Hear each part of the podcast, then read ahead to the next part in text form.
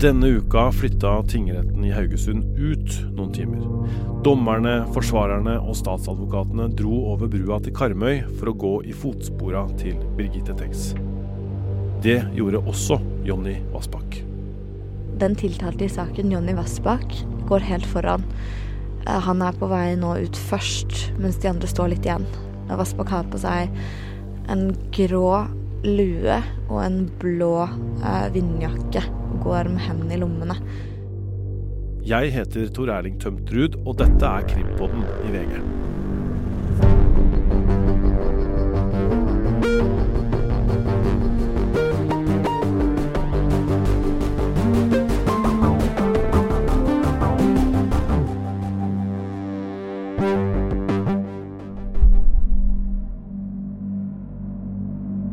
Kvelden da Birgitte Tengs blei drept, starta på bedehuset Karmel på Avaldsnes.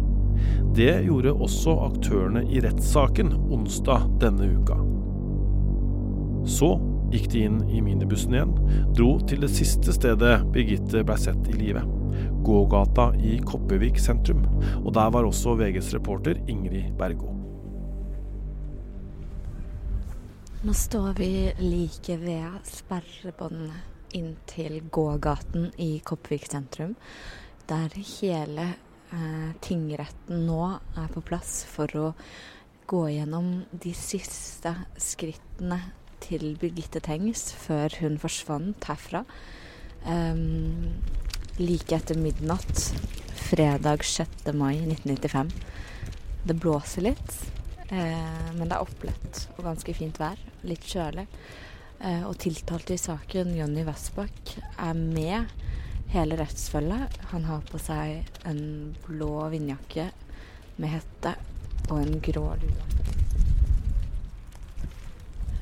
Og han står nå egentlig litt sånn bak de andre, ved siden av noen politibetjenter, og hører på forklaringen av hvor Birgitte ble observert. Og vi journalistene får jo da altså ikke lov til å være med bort, så vi kan ikke høre hva de sier. Vi får bare se på avstand. Og akkurat nå så står de med et av merkene som retten nok har vært gjennom tidligere. De har gått forbi det som heter Firkanten, som var et sånn populært samlingssted for unge eh, i 1995. Og det skal sies at denne gågaten, nå er den sperret av, men jeg har vært her før, og det er ganske øde her. Um, selv uten politisperringer her i dag. Det var ikke tilfellet i 1995. Flere av de som har vært inne i retten de siste to ukene, de har jo egentlig forklart at Kopervik var et veldig livlig sted i 1995. Og at det var samlingssted for unge. Og venninnene til uh, Birgitte forteller om at de var der ofte. At det var liksom stedet man dro, da. Og fordi det var så mange folk der, og fordi mange hadde vært ute, og flere var påvirket av alkohol osv., så, videre, så var det jo vanskelig å tidfeste nøyaktig når hvem hadde sett Birgitte. Eh, for sånt er jo ikke ting man nødvendigvis husker når man ikke vet at man må huske det. Så Birgitte, den siste sikre observasjonen av henne, den var helt i enden av gågaten her. Og da tror jeg faktisk retten er på vei nå. Og så forsvant hun ut, og ingen vet nøyaktig hvor og når. Den siste sikre observasjonen av henne er tidfestet til eh, syv minutter over, eller ca. ti minutter over. Og så ble hun funnet eh, brutalt drept ikke langt hjemmefra eh, morgenen etterpå. Øystein eh, Milli, før vi går eh, ja, kronologisk til verks og ser hva som har blitt lagt fram eh, i retten denne uka her, så må vi snakke om denne befaringa, som det heter. Hvorfor drar retten på en sånn befaring? Det er jo faktisk ganske enkelt for å få et godt inntrykk av sted, rom. Og det kan være utendørs, det kan være innendørs. Men det mm, er jo sånn at man sitter og snakker i retten ofte om et sted hvor noe har skjedd, eller inne i et hus hvor noe har skjedd. Og da er det ikke uvanlig at man drar ut for å, at man selv skal få vurdere avstander og på en måte ja, Vi vet jo alle hvordan det er. Det å få ting litt under uh, huden. Altså Det er jo alt fra å dra på visning når du skal kjøpe deg et hus, ikke sant? så er det helt noe annet å være der og se det og vurdere det på den måten, enn å sitte og se det på noen uh, slides eller noen bilder. Og det er litt det samme, eller det er det samme for, for retten sin del. Og det er jo uh, ganske mange rettssaker hvor man, i hvert fall de store rettssakene, så har man en befaring. Vi vet at uh, Orderud var det befaring. Jeg mener bestemt at det også var det på Nokas og også andre saker. Og, og da i denne, denne, saken også så har det da vært en befaring denne uka her. Det har jo gått 27 år, da. Hva slags hensikt har det da? Ja, mye har endra seg på 27 år, men det som ikke har endra seg, det er jo geografien. Og i hvert fall ikke der. Det er, så vidt jeg vet, så er Karmel det samme som da. jeg tror sentrum av Kopervik er mer eller mindre, eller kanskje helt det samme som da. Man har vel, hvis jeg tar det på husken nå, så står vel til og med en sånn blomsterkasse der fortsatt som Om det er den samme, vet jeg ikke, men i hvert fall mm. det har vært referert til det så vidt jeg har fått med meg. Og, og vet, men det jeg i hvert fall vet, er at på selve åstedet, der har det ikke skjedd noe særlig. Uh, annet enn at det har vært uh, selvfølgelig en del vekst av småkratt og busker. Det har det vært, så det er annerledes sånn sett. Men gamle Sundvei går som han akkurat gjorde, gjorde til på den ene sida, ligger der. og også da dette beiteområdet og inn mot denne minnesteinen som også fortsatt står der, og som jo fortsatt en bamse som vi ikke kommer til å glemme, står mosegrodd på Birgitte Tengs sitt minnested. Mm. Og den tiltalte Jonny Vassbakk, som nekter å ha drept eh, Birgitte, han var med eh, på befaringen og tilbake på dette funnstedet på Gamle Sundsvei.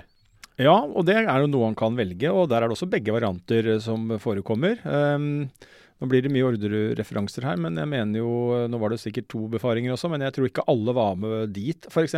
Uh, men jeg husker i hvert fall at Kristin Kirkemo var på en av dem. Så det er jo ulike valg, og det er noe, det er ikke mulig å legge noe i det. Hvis noen tenker at uh, man enten ville gjort sånn eller sånn hvis man var skyldig eller uskyldig, så blir det veldig feil. Uh, men det er en mulighet uh, da Vassbakk i dette tilfellet har, en rettighet han har. og han valgte da å, å bli med, og, og det er jo sånn at Han nekter jo for å ha vært der eh, i, eh, i eh, gjerningsøyeblikket. og Da er det jo ikke noe grunn til å stille noen spørsmål til han, men i andre sammenhenger så kan jo det være at man gjør det hvis man har, har, en befaring og man eh, vet at den som eh, er med ut som tiltalt, faktisk har vært på stedet. Uavhengig av om vedkommende erkjenner skyld eller ikke, så, så, hender det at retten finner det nødvendig og fornuftig å stille noen spørsmål og få pekt og forklart litt. da. Men i denne sammenheng så er jo Vassbakks versjon at han aldri har vært der før, og da har han ikke noe å bidra med. Så for retten sin del så har det nok ikke noe betydning, men Vassbakk har da både rett og mulighet til å være der, benytta seg da av den. Men har det skjedd at uh, tiltalte som da nekter for å ha gjort det, kommer på en sånn befaring på et åsted, og så, og så da plutselig innrømmer å ha gjort det allikevel? Oi. Um, ikke som jeg kommer på i farta. Jeg har i hvert fall aldri opplevd det. Uh, det har skjedd at noen har tilstått uh, etter å ha nekta lenge før, men ikke så vidt jeg kommer på at det har skjedd på, på åstedet, nei. Men så kan det jo hende at det kan jo hende at det å ha vært på åstedet for noen en eller annen gang i en sak har hatt en betydning, og har senere har ført til det, men, eh, men, jeg kan ikke svare noe mer enn det. Uh, og Når det gjelder denne saken, så er det jo uh, alltid viktig å understreke at Vassbakk han nekter skyld, og som vi var inne på akkurat, så benekter han jo også å ha vært da på Gamle Sundvei, ja, i hvert fall da, Siste stopp på denne befaringa var altså da eh, på Gamle Sundsvei, ja, det, det, dette funnstedet der hvor Birgitte Tengs ble funnet denne lørdagsmorgenen i 1995. Og så er det hva som skjedde mellom gågata i Kopervik og at eh, hun ble funnet der. Det er jo det retten nå prøver å finne ut, da, og bruker ukevis på å finne ut av det. Men før vi drar tilbake til Gamle Sundsvei, så skal vi starte litt systematisk av hva som skjedde i retten denne uka her. Vi spoler tilbake til mandag og starten av uke tre i rettssaken mot uh, Jonny Vassbakk. Og før det første vitnet fikk starte i vitneboksen, så måtte aktor Nina Grande svare på noen spørsmål fra dommeren. Hva handla det om, Øystein?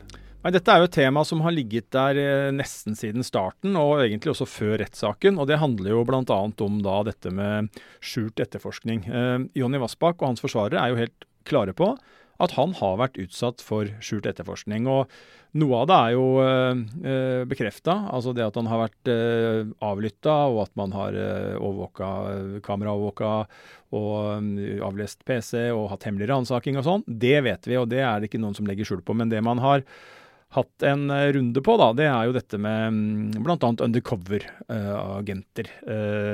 Og der mener jo Vassbakk at han ble forsøkt uh, på å si verva, da, i den forstand at han ble fors forsøkt uh, å få oppretta et, et, forhold, et vennskapsforhold, til to kvinner som kjørte på ham ved en anledning, og som sa de var ute og solgte dameundertøy. Og kom med veldig mange, det han oppfatta veldig mange rare forslag på hvordan de fortsatt kunne ha kontakt. Og så vet vi jo at Vassbakk har jo fortalt i retten sjøl om sin fetisj for dameundertøy.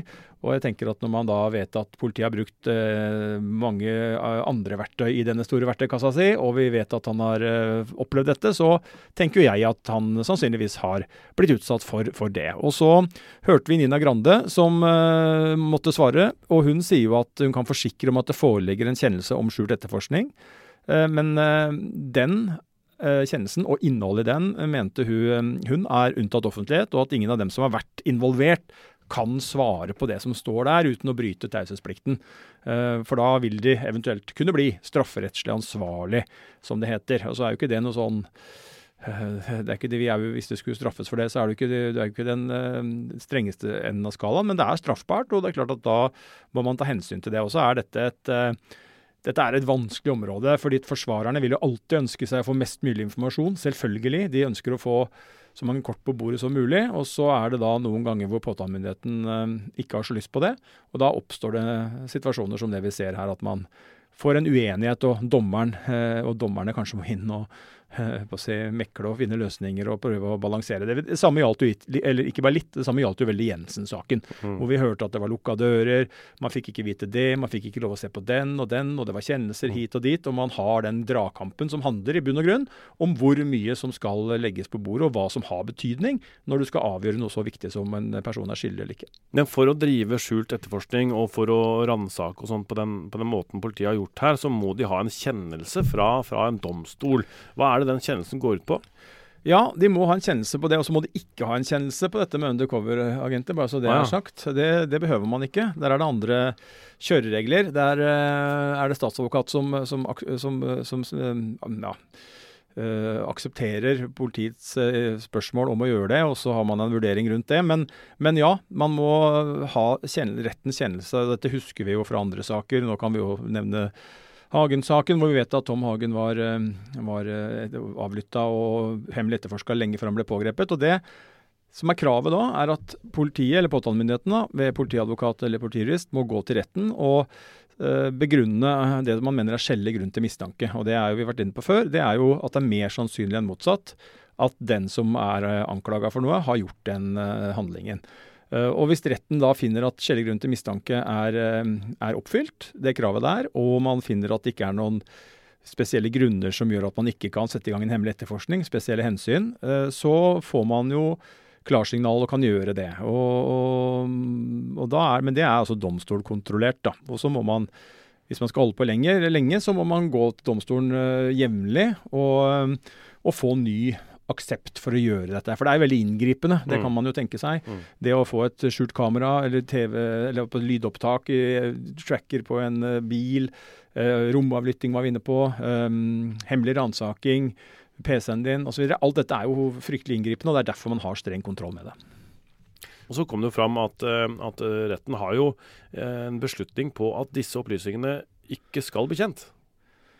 Ja, og det er jo særlig dette med den undercover-agentene, som jo har vært, eh, og er eh, fortsatt selvfølgelig noe forsvarerne ønsker. Og der er jo politiet ikke villig til å gi noe dørene. De vil ikke snakke om det. Um, så får vi jo se om forsvarerne følger opp det på noen måte, eller om slaget er tapt. Men uh, men uh, det kommer nok til å bli flere sånne uh, Vi kommer til å se mer av det, og vi kommer helt sikkert til å se det også i prosedyrene, vil jeg tro. At forsvarerne kommer til å peke på at uh, det har vært et problem for dem at de ikke har fått vite nok. Mm.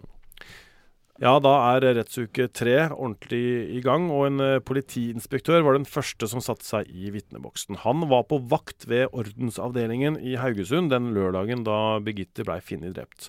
Og Han blei kalt inn uh, til åstedet på ettermiddagen, og det kan virke som om han bl.a. er kalt inn da for å snakke om hvordan de håndterte åstedet igjen. ikke sant? Dette har jo vært et tema før, og det blir det sikkert igjen, denne åstedsdisiplinen. Ja, og det er jo som vi har snakka om uh, før, Tor Erling, som du sier, er jo, det handler jo om uh, faren for oversmitte. Og at det har vært for forurensning av bevis og bevismateriale inn på åstedet. Um, og han er jo ikke den eneste som har vært i retten denne uka her. Veldig mange Um, av dem som ble tilkalt til Gamle Sundvei den 6. mai, de har måttet møte opp i tingretten, både fra lokalpoliti og også fra Kripos. Um, og denne første politiinspektøren han fikk jo da uh, direkte spørsmål om hvordan åstedsdisiplinen var, og beskrev uh, det som sånn rimelig ut fra omstendighetene. Um, og Så utdypa han jo det litt, og da sa han at uh, store deler av det sentrale åstedet var tildekket av presenninger. Det har vi jo sett mm. bilder av, og det har vi hørt denne bonden snakk om. At man uh, skaffa presenning hos han, bl.a. Um, og så sa politiinspektøren at hvordan og hvor man skulle gå inn, skulle gjøres på en slik måte at man ikke påvirka spor, eller påvirka i så liten grad som mulig. Og Det vil jo si at man går kanskje da samme vei inn og ut. Uh, kanskje man gjør en vurdering, og det vet jeg ikke om man kan gjøre her, men om man kunne gjøre en vurdering av hvor en sannsynlig gjerningsperson har kommet inn og så ut. Men men det er klart, man vet jo aldri da når man skal inn i terrenget sånn, om man, om man tråkker på noe som, som, kunne vært et viktig spor og ødelegger det. Det er jo en risiko. Eh, samtidig så må man jo inn dit. Man kan ikke, man kan ikke gjøre noe annet. Så det er jo en, et dilemma der. Um, og så er det jo det er jo mange av de som har vitna i starten av uka, som, eh, som uh, forteller at det, at det, var bra bevissthet om hygiene og smitte da man kom til et åsted. Og så vet vi jo at det har skjedd mye siden den gang, så det må jo leses med, med 1995-briller, men, eh, men, det er jo ikke så er det jo ikke så lenge siden heller, Nei, så det er da. ikke så rart at de hadde ganske bevissthet rundt dette. Nei da, og dette har jo vært, altså dette har jo med tekniske spor har jo vært der siden lenge før den tid, og man har jo hatt bevissthet rundt og det er jo ikke bare, altså Norge jo, lever jo ikke et vakuum. Vi har jo både engelske politifolk og amerikanske politifolk som, som norsk politi ofte har sett til, og, og sett opp til kanskje også. Og de har jo ja, det finnes jo tekniske bevis langt tilbake i, tida, og da vet man jo selvfølgelig, det er ganske logisk, at at uh, det er fare for oversmitte hvis man ikke er forsiktig. Mm. Dette første vitnet fortalte også at han hadde møtt uh, Vassbakk før. At uh, Vassbakk nesten hadde kjørt på han. Uh, hva, var det, hva var det det handla om? Ja, i mai 1996, um, og det er vi jo da etter et år etter drapet på Birgitte Tengs, bare så vi plasserer det tidsmessig, så fikk politiet melding om at noen jenter hadde blitt utsatt for blotting. Um, og Da begynte politiet å søke, naturlig nok, etter en gjerningsmann. Og fant det de mente var eh, da var gjerningsmannen, det var da Vassbakk, i et busskur. Eh, og han begynte da å løpe nedover gata. Eh, politifolka løp etter. Og da denne politimannen kom fram til parkeringsplassen, så holdt Vassbakk, eh, som det da viste seg å være når de kom på nært hold, på å starte opp bilen sin. Eh, betjenten han markerte at eh, Vassbakk skulle stoppe, men, men han eh, satte seg inn i bilen, kjørte av gårde. Eh, og Politimannen fortalte jo i retten hvordan han måtte kaste seg til side. Mm. Og, men at bilen faktisk var borti, da. Så det, ja, det var han, sier han. Og det høres jo Da hører vi jo at dette var dramatisk. Uh, og da han og makkeren forsøkte å, å forfølge Vassbakk, så så de at han slo av lysa på bilen og gjorde flere forbikjøringer. Han endte med å kjøre ut på et jorde og, og kjøre seg fast, faktisk. Mm. Og så stakk han da av fra bilen og gjemte seg i en granskog, hvor politiet da til slutt pågrep han. Så det var jo en dramatisk eh, episode, og helt sikkert noe påtalemyndigheten mener er relevant da, i, i eh, den saken vi står i nå. Ja, Etterpå så leste jo aktor Nina Grande opp eh, dommen eh, fra denne hendelsen, som, som, er fra Haugesund byrett i 1996, hvor Vassbakk forklarte at han blotta seg for å få ut spenning av kroppen. Og han forklarte også i den dommen da, at han ikke ønska å skade politiet med den bilen. Ja, det, det, kan han jo gjerne si, men det er klart at eh, når du er eh, borti en politimann, hvis vi skal ta politimannens eh, ord eh, til etterretning, så er det jo så små marginer at eh, det ikke blir eh, det, det, er lett å tenke at det ikke er eh, står helt til troende. Mm. Det neste som skjedde eh, i retten, var at en politioverbetjent satte seg i vitneboksen og fortalte at han kunne vært den som fant Birgitte den morgenen, for han var ute og gikk tur med hunden sin og merka at eh, hunden oppførte seg ganske rart. Men han gikk aldri nærme nok da, til å oppdage den døde kroppen som lå der. Og Noen timer seinere så var han på jobb, og da var han tilbake på dette åstedet. Og Der blir han da spurt om eh, presenningen som politiet la ut på åstedet for å sikre bevis i tilfelle regn. Eh, hva sa han om den presenningen? Ja, Først og alt så må vi jo igjen minne oss om at vi befinner oss i 1995. og Dette høres kanskje rart ut, men uh, på den tida så stengte butikkene uh, tidlig. Uh, også på lørdager, og gjerne klokka 13. Og det hadde de også gjort denne lørdagen. og det gjorde at man måtte finne andre måter å få tak i en presenning på. Da har vi tidligere hørt, eh, som vi var inne på i, i stad, Tor Erling, denne bonden som fant Berg, eh, Birgitte. Så han mener at han ga en av sine presenninger eh, til politiet. Og vi har jo også sett uh, disse hvite, store presenningene på bilder som mm. lå over et stort område rundt og på stedet. Men en annen politimann som uh, har vært i boksen denne uka, han uh, mente å huske noe annet. Uh, han mente man skaffa en ny presenning. og det er jo interessant, for dette er jo ikke det eneste tilfellet hvor vi ser at dette med hukommelse og 27 år, på en tidsfaktor på 27 år, 27 år det, det, er utfordrende. Og det man ikke har nedfelt skriftlig, det ser man at det kan komme flere versjoner på. Det er som sagt ikke bare denne hendelsen, men, men dette er da et godt eksempel på at, på at, man har ulik erindring, og så er det ikke sikkert at uh, ja, Det kan hende at det er eh, mange grunner til det, men det er i hvert fall ikke noen grunn til å tro at noen lyver. Det er bare det at hukommelsen vår det er ferskvare. Mm. Og, og, Det er i hvert fall da sikkert at uh, politiet på Karmøy og Haugesund hadde ikke da et lager fullt av presenninger? Nei, det hadde de ikke. Og det er klart at uh, man får jo noen sånne valg. Uh, man kommer i en akuttsituasjon. Uh, det ligger en drept jente ute i skogen eller i terrenget, og man skal prøve å, på en måte sikre spor, og man skal begynne å lete etter en gjerningsmann, og man skal finne ut av hva som har skjedd. Og det er klart at da må man Og det kan komme både regn og annet vær som skaper utfordringer og ødelegger bevisene, og da må man jo eh, ta noen valg, da. Og hvis man da står i en vanskelig situasjon, så må man kanskje ikke velge det ideelle, men eh, ta noe som likevel er bedre enn ikke gjøre noe.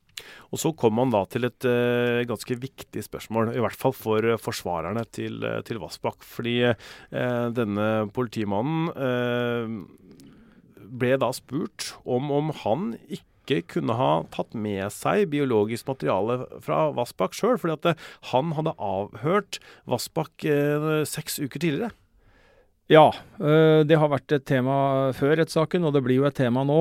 Og det, det så sa jo politimannen at jeg har ikke det, men har full forståelse for at spørsmålet blir reist. Vi håndterte Birgitte Tengs på den måten nettopp for å forhindre forurensning eller smitte. og sa at han hadde ulike klær i avhør og på åstedet.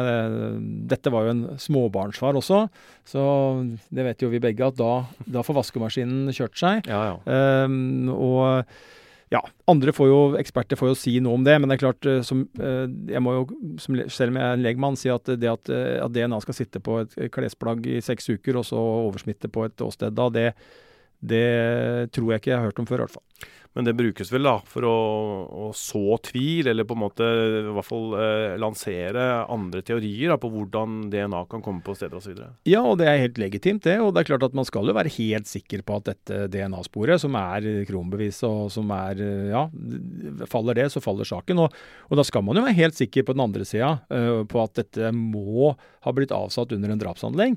Uh, så det er jo ikke noe feil i å trekke det frem. Uh, og så vil det jo bli en vurdering for retten å vurdere det. og Uh, og Det kan jo godt hende at de, det kan jo godt tenkes at selv om man mener at det ikke er noe oversmitte her, så er det ikke sagt at, dermed sagt at det blir en dom mot Vassbakk. Mm. Uh, det er jo et rom mellom å dømme han på et DNA-bevis og på en måte utelukke uh, en oversmitte. Så det, så det, er, og det er jo dessuten bare ett av flere temaer når det gjelder dette med DNA-sporet.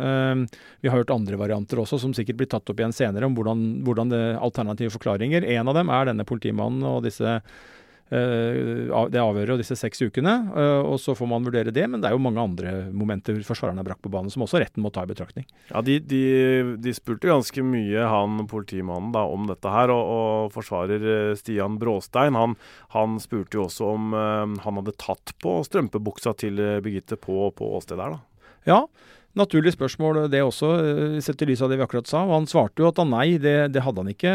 Det så han ikke for seg. Det ville vært unaturlig å gjøre det. Uh, men, det. men, det. er jo det er jo altså mye spinner jo rundt dette her i denne saken, og det blir jo stilt mange detaljerte spørsmål om håndteringa av nettopp strømpebuksa denne uka. Og det kommer helt sikkert til å bli tema også neste uke når det blir mye DNA-fokus. Og det er jo det samme hele veien. Det er hvem som tok på hva, og med hvilke utstyr. Eh, og det er også snakk om når strømpebuksa var her og der, og hvem som har undersøkt den, hva slags undersøkelser. Er, man, man, man, bygger jo så langt man kan da, en tidslinje eh, hele veien. og og på en måte prøver å koble de personene som har hatt befatning med bevismaterialet til, til på de ulike tidspunktene. Og så må jo retten til slutt, eh, som vi var inne på, retten kommer ikke unna å måtte ta en grundig vurdering av om Eh, dette DNA-beviset kan ha havna der på annen måte enn en, eh, ved at Vassbakk har begått drapet. Mm. Ja, for uh, det kommer jo da også en lege til dette åstedet. og Det brukes jo bl.a. for å måle temperatur på en, på en, død kropp, for å da bestemme hvor lenge den kroppen har vært død osv. Um, han forteller at han ikke hadde noe kjennskap til Vassbakk, så han utelukker i hvert fall for seg sjøl den muligheten for oversmitte av hans DNA. Og Det samme gjør jo flere politimenn som, som vitner om sin rolle på åstedet. Da. Eh, de forteller jo da at de ikke tok på Birgitte. Men så, men så er det noe som forandrer seg når eh, neste politivitne kommer inn. Ja, en eh, tidligere lensmannsbetjent eh, fortalte jo at han var med på å sperre den ytre sperringa eh, av åstedet. Og han eh, vurderte det jo som om det var merkelig at så mange, som han mente da, fikk lov å gå inn til åstedet. Og han mener jo da i etterpåklokskapens lys at vi skulle vært færre inne på åstedet, og vi skulle hatt bedre åstedsdisiplin. Og det var også noe han reagerte på da. Uh, men han hadde jo da uh, en mer perifer rolle, i og med at han var der for å sperre av det ytre området. Så, um, og han mener jo sjøl at han heller aldri skulle vært der inne, og at det skulle vært planlagt fra starten av, og at det skulle gå færrest mulig folk inn. men så erkjenner jo han at det er en veldig, eller var en veldig spesiell situasjon. Eh, det å finne en jente på den måten. Eh, eh, og da er det, som han sa, ikke alltid at ting foregår etter boka. Han var den tydeligste kritikeren blant politiets egne så langt. Og så er det viktig igjen da å bare si at for politiet er det selvfølgelig veldig stor forskjell på å finne et lik innendørs og utendørs. Altså Finner du et lik innendørs, så kan du låse av huset, lokke huset. Du har god tid, og du kan tenke på alle disse tingene, uh, selv om du gjerne vil komme frem og gjøre temperaturmålinger da også, for å prøve å fastsette dødstidspunktet så fort som mulig. Men det er noe helt annet å jobbe innendørs for krimteknisk enn det er utendørs. Og, og, det må man ta i betraktning når vi snakker om uh, den situasjonen de sto i på Gamle Sundvei i 95. Så blei retten heva den dagen, altså mandag i uke tre var over, og retten blei satt igjen da klokka ni på tirsdag. Og da var det Kristin Løland, som er eh, kriminaltekniker og politiførstebetjent i Sør-Vest politidistrikt, som eh, presenterte det arbeidet hun har gjort da siden i fjor høst. Hun gjennomgikk undersøkelser, beslag og selve åstedet, og obduksjonen av eh, Birgitte Tengs. Og så begynner hun å fortelle at det er forskjell på hvordan man håndterte et åsted i 1995 og i dag. Ja, øh, og hun øh, viste jo ikke minst øh, bilder av Birgitte Tengs, og advarte jo selvfølgelig retten om at dette er veldig sterke bilder. Og hun gikk også gjennom skadene på Birgitte Tengs. Det må man, selv om det er grusomme ting man da snakker om og viser fram. Og så snakka hun også om mer og mindre relevante spor ved, ved Gamle Sundvei. Eh, dette slepesporet i veibanen som vi hørte om, med blodspor. Eh, bilspor, blodspor på grinda, et, et fottøyavtrykk som vi vet har vært uh, der. Og steinen med blod som, som, ble funnet like ved Birgitte Tengs, som vi husker, er uh, tung, eller var tung, 23 kilo. Mm. Og så har jo vi snakka mye om strømpebuksa til eh, Birgitte, som hun hadde på seg, eh, og som var, som var trekket ned eh, da de fant henne. det er jo ja, sakens mest sentrale bevis nå, der dette Y-kromosomet er funnet, som aktoratet er sikre på at kommer fra Vassbakk. Og Det ble jo da funnet i en blodflekk på denne strømpebuksa, og det forteller også denne kriminalteknikeren. da. I retten så viste da Kristin Løland et bilde fra 1995 og et bilde fra 2020. Og nesten hele strømpebuksa var tilgrisa med, med jord og grus, fortalte hun. Og at uh, strømpebuksa var mer tilsølt med blod enn det man trodde tidligere. Eh, og På bildet så viste hun også eh, det som på en måte ligna på et håndavtrykk da, på, på, venstre kne.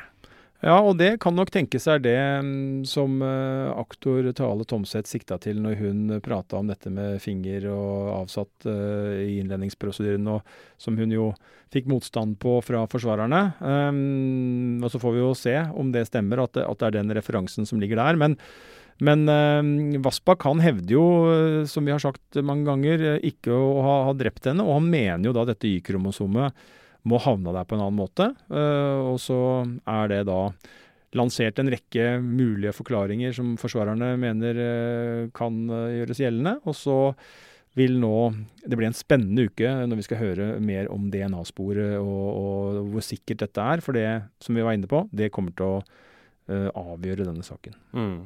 Det siste denne kriminalteknikeren eh, snakka om i retten, var denne hemmelige etterforskninga igjen. Og da, da, da, var vi inne på at uh, de mistenkte at det var et hemmelig rom i huset hans? Ja, de har 3D-skanna, og det gjør de jo nå. Vi vet jo også at de har gjort det med et uh, visst hus i Sloraveien 4. Det gjør politiet ofte nå, 3D-skanner, for å få en best mulig oversikt. Og da kom det fram noe som de mente kunne lignende si, et hemmelig rom eller lignende. og Politiet brukte da et sånt kikkhullskamera for å undersøke garasjen og naustet til Vassbakk for å kikke inn i disse rommene, øh, uten å se noe interessant. Um, det er Altså, det var mange damesko i skuffer og hyller, og totalt 300 par sko i huset, faktisk. Um, men ikke noe, ikke noe hemmelig rom, og ikke noen ikke noen bevis. Uh, og Det vil jo være forsvarerargument, at man har etterforska Vassbakk så til de grader. Han har et endevendt livet hans, på alle måter avlytta ham. Prøvd undercover-agenter. Man har gjort alt dette vi snakker om nå, pluss mer til. Og det er ingenting Eh, i den etterforskningen som peker i retning av at han har, har tatt livet av Birgitte Tengs. Og det er jo et uh, forsvarerargument. Mm. Det kommer fram at uh, det som da kunne se, se, ut som et hemmelig rom, var på en måte bare at de hadde lekta ut uh, veggen, rett og slett. ikke sant? Ja da, og, og, det, og, det, skjer. Jeg har jo faktisk vært med sjøl på å bruke en sånn 3D-skanner når vi var ute og lette etter et, et, et våpen i Orderud-saken. Og da, da så man jo ting som man måtte, altså, som tilsynelatende kunne være noe interessant, og så måtte man gå nærmere inn og kikke på det. Dette var jo da en sånn georadar, da. Mm. Si, det var ikke helt det samme. Men, man, men det, poenget er det samme, at når man søker sånn, så kan det dukke opp ting som kanskje kan være noe, og så må man undersøke det nærmere, og så viser det seg at eh, når man ser nærmere på det, så er det en naturlig forklaring. Mm. Hva var det neste som skjedde i retten, da? Da kom det en eh, krimtekniker fra Kripos som snakket om blodsporanalyser fra åstedet. Og, og dette, er, dette, er, viktig. Eh, det handler om hvorvidt blodsporene på Birgittes strømpebukse kan være etter Vassbakk. Og Ifølge analysene til denne krimteknikeren så mener han at det kan være grunnlag for å mene at uh, veldig blodige fingre har ført blod på strømpebuksa, uh, og at, uh, som da har trukket gjennom stoffet. Mm. Aktor konkluderte jo med at analysene tyder på at denne delen av strømpebuksa trolig er dratt ned etter at hånda har satt avtrykk på strømpebuksa. Så nå er vi jo da veldig inne i det som vi har hørt bruddstykker av før fra påtalemyndigheten, og den versjonen som de mener er den riktige. Eh, og, og nå faller jo den uttalelsen fra aktoratet i innledningen av saken eh, litt på plass. Og så får vi jo følge videre hva som, eh, hva som kommer fram videre eventuelt. Ja, for det, det er jo rekkefølgen her da, sånn, som, som, blir viktig. Kom blodet før eller etter? Etter dette med strømpebuksa, kom DNA-et på strømpebuksa under drapshandlingen, eller før eller etter? Det er det som blir viktig her. Ja, det er helt riktig. Og det er derfor aktor spør denne kriminalteknikeren om øh, vedkommende har erfaring med om man kan avsette sitt eget DNA hvis man har andres blod eller DNA på seg. Og da svarte jo teknikeren at øh, når det blir mindre av blodet, er sjansen større for å avsette eget DNA sammen med blodet. Sjansen er mindre ved mye blod på hendene, og da kan jo vi våge oss på en liten legmannsanalyse. At man jo mer beskytta fingrene dine er av et stoff eller, eller væske, mm. jo lenger vei er du ned til DNA-en din. Mm. Uh, og, og, det er vel kanskje det som er greia her, da. Og så uh, brukte jo kriminalteknikeren knivstikking som et eksempel. Uh, og da er det ofte mye blod på knivskaftet. Ehm, men likevel blir det ofte eh, funnet DNA fra den som har begått handlingen. Mm. Så det er ikke sånn at hvis det er mye blod, så er det aldri noen sjanse for å avsette eget DNA? Nei, dette er jo ikke noe fasit. og Det er jo, det er jo sannsynlighet hit og dit. og Situasjonene er ulike. og man, eh, Det handler jo alt om sikkert en kniv, hvor hardt du holder i den. og ja, hvor lenge du holder i den. Altså det, er, det er jo mange mange faktorer her som spiller inn. så det blir jo det blir jo mye sånn eh, sannsynlighetsprat da, rundt disse tinga. Og så har jo det en verdi for retten, som jo er interessert i alle mulige innspill og detaljer når man skal avgjøre skyldspørsmålet. Mm. Men det virker som om både aktor eh, Tale Tomseth og forsvareren her, da, Stian Bråstein, prøver å på en måte følge denne veien til eh, strømpebuksa videre. Ja, og kort fortalt så står jo også krimteknikeren på sitt. At når politiet tok med et beslag inn til et oppbevaringsrom, f.eks. For, for å tørke noe blodig, så hadde man et eget tørp, tørkeskap. Og man, man eh, hang ikke beslag fra ulike saker eh, sammen i et skap. Så hang det noe på en eh, snor, så ble det området stengt av med en sperreteip. Så det beskrives jo eh, en bevisst tankegang rundt dette her eh, allerede da. Og så har vi kommet til eh, onsdag eh, denne uka, og før retten drar ut av sal 14, eh, så fortsetter et viktig vitne, som, som, begynte da også dagen før. Og det er en som du kjenner godt, Øystein. Det er krimtekniker Tore Per Bakken. Han jobba jo i Kripos og, og blei kalt inn fra Oslo for å bistå på dette åstedet. Ja, og han ble jo da, som venta, grillet av forsvarerne til, til Vassbakk ved, ved Stian Christensen om åstedet og ting han tidligere har sagt i avhør. Og det virker jo som om, om den godeste Tore Per Bakken er, er, greit fornøyd med den åstedsdisiplinen, ut fra de forutsetningene de hadde, men han kritiserte uh, bl.a. at politiet kjørte biler et stykke inn på åstedet, altså helt fram til den innerste sperringa. Og Dessuten så ble han jo konfrontert med bilder av politifolk uten verneutstyr og uten hansker, men Bakken han står på sitt. Han hadde alltid med seg verneutstyr i utstyrsbagen sin. Og Grunnen til at du kjenner han Øystein, er at han var jo sentral i etterforskningen av Orderud. I eh, Orderud-saken og i mange andre saker har den godeste Tore Per Bakken vært kriminaltekniker, og han er en eh, meget eh, erfaren mann. Og så, rundt lunsjtider på, onsdag, så flytter retten ut. Først til Koppevik, Kopervik, eh, som du hørte reporter Ingrid Bergo snakke om helt i starten her nå. Og så til slutt så ender rettens aktører og pressen da, på, på avstand eh, der ved gamle Sundveit, hvor vi har vært før. Det er jo på en måte et beiteområde. Det er noen sånn kuperte fjellknauser der, og, og, og gress, gressbakker. Eh, og det er jo da dit retten drar, på det området hvor Birgitte blei funnet. Nå står jeg like over grusveien Gamle Sundsvei, og hele retten er nå på vei opp fra stedet hvor Birgitte Tengs ble funnet drept for over 27 år siden. Um, de kommer nå opp fra buskene og krattet som ligger liksom på nedsiden av veien. Uh, og den tiltalte i saken, Jonny Vassbakk, går helt foran.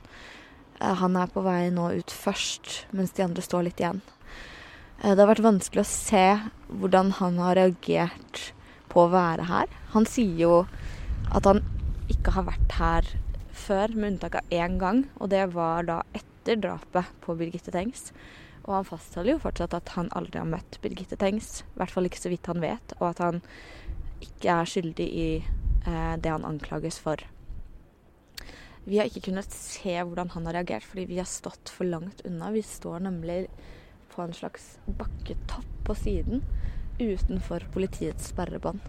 Og her ligger det da Altså, her er et ganske godt område avsperret. Både på jordet eh, ved siden av grusveien, men også selve grusveien. Fordi åstedet er jo egentlig ganske stort. Um, jeg tror det er 44 meter det, det regnes. Og Birgitte ble vel slept det ligger noe sperrebånd her som viser hvor Birgitte ble slept, og de slepesporene tror jeg var 27 meter, hvis jeg ikke tar feil. Og hun ble slept først over veien, på en måte mot oss der hvor vi står, mot bakken. Og så har hun blitt slept tilbake igjen på den andre siden av veien og ned i buskaset på, på nedsiden. Og så er det sånn at de som var vitner i saken, de husker jo veldig dårlig hva som skjedde for 27 år siden. Og kanskje husket ikke så godt en gang da. Men de husker i hvert fall ikke nå, og det har vi i hvert fall fått merke nå i retten. Disse vitneavhørene. Eh, Nå går jeg nedover, så jeg skal prøve å nærme meg der hvor retten står, rett og slett. Komme litt tettere på sperrebåndet. Her står en rekke journalister. Her er TV 2, her er Dagbladet, her er NRK. Haugesunds Avis tror jeg var her. Ehm, så er jo et pressekorps som er med her. Men vi får jo da ikke lov til å komme helt tett på retten, bortsett fra NTB, som er med i minibussene.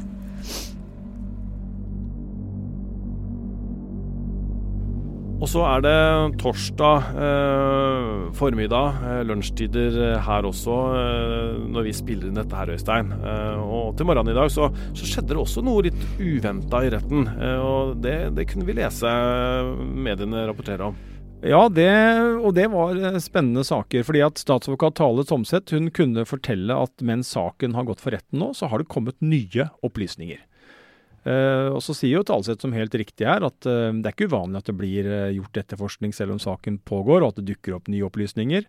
Men, men det at politiet nå da følger opp disse opplysningene, som hun sier, det syns jeg er veldig interessant. og jeg er veldig spent på å høre hva dette handler om, og i hvilken retning dette eventuelt kan dra saken. Ja, for hun har ikke sagt, i hvert fall ikke når vi har spilt inn dette her, hva dette her er- dreier seg om.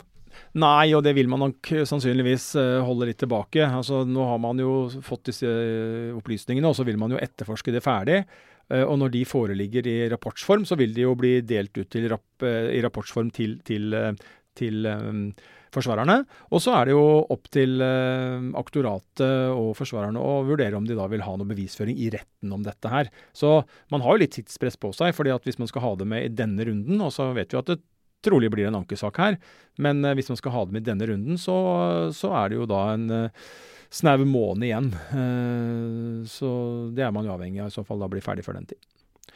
Resten av dagen i retten i dag, torsdag, da, så vi spiller inn dette, så er det disse jentene som eh, haika med Jonny Vassbakk, og som han kjørte rundt, eh, som han kaller for Åkrajentene, som, som vitner. Eh, det er eh, en observasjon fra en haiker skal i retten, og et punkt som heter observasjon bil.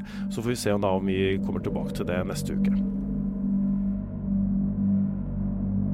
Og så, så sa da Tale Tomseth statsadvokat eh, denne uka at eh, vi har hele tiden vært klare på at måten man sikra spor på, var annerledes i 1995 enn i dag. Så hun erkjenner jo at eh, det er forskjell der, altså.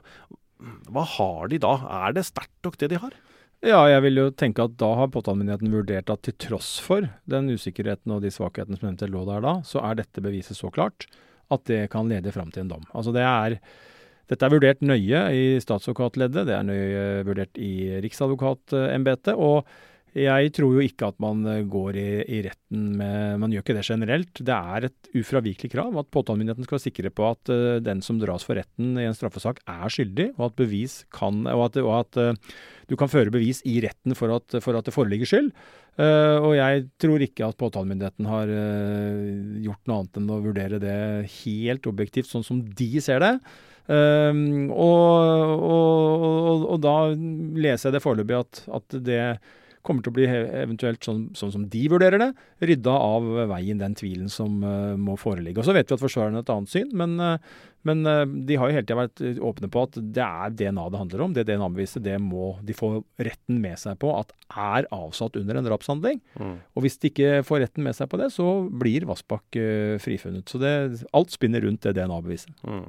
Og så er det sånn at vi får jo en del tilbakemeldinger eh, til oss i Krimpodden, enten på krimpodden at vg.no, eller på Facebook-gruppa vår, eller på Instagram, eller ja, overalt. Og det er, sånn, det er fra den ene og den andre sida. Det er noen som mener at vi eh, forhåndsdømmer eh, Jonny Vassbakk, mens andre mener at vi kanskje er for snille mot ham, eller at vi eh, på en måte stoler for mye på politiet, eller løper forsvarernes ærend liksom, når vi dekker denne saken her. Hva, hva tenker du? Nei, dette er ikke noe ny problemstilling. I Eirik Jensen-saken så fikk jeg kjeft både fordi at jeg var for Jensen-vennlig og fordi jeg var for Jensens-fiendtlig. Eh, Så tenker jeg at hvis det kommer begge deler, så er man kanskje i nærheten av å være objektiv, da. Mm. Og jobben vår er jo selvfølgelig være kritisk alle veier. Og så skal vi ikke drive noe forhåndsdømming i rettssaker. Eh, samtidig så skal vi heller ikke fortelle Vi skal ikke dra det andre veien som gjør at vi gjengir noe som på å si blir skjevt i retning av forsvarere osv. Men, men dette er jo vanskelig, og dette er ikke noe fasit. og mm, ja. Er, man er uskyldig inntil det motsatte er bevist. Det er jo en grunn, grunn, grunnleggende menneskerettighet, vil jeg kalle det, i Norge da, og rettssamfunnet vårt. og da, da må vi operere i, i, i, tråd med det, og også med pre, Pressens Vær varsom-plakat. Og så, som sagt, vanskelig balansegang. Og jeg tror aldri at alle vil være fornøyd med oss på det. På mandag så legger vi ut eh, andre episode av eh, den dokumentaren som vi har laga om eh, Belur Sardar, som forsvant i 2007 og aldri vært funnet etterpå. Da, da var du i, skauen der og leita, du Øystein?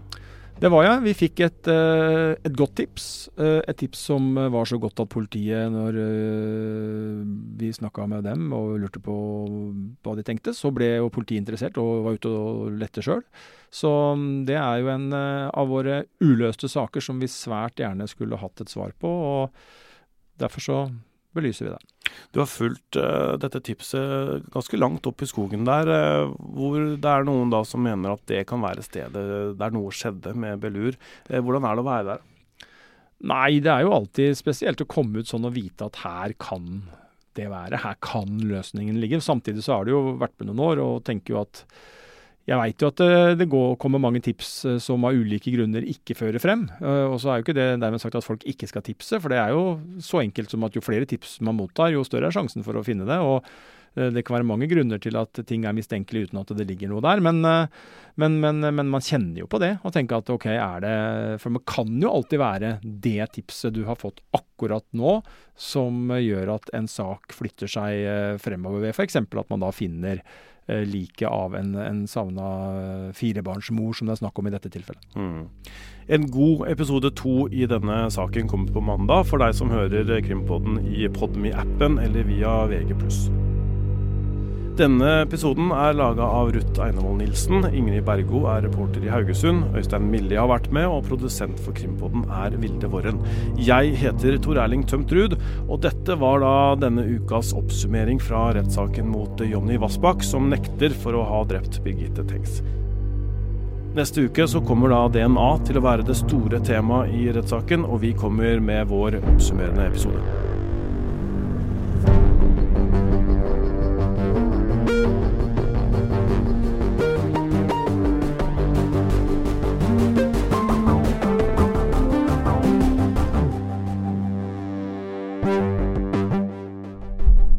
Du har hørt en podkast fra VG.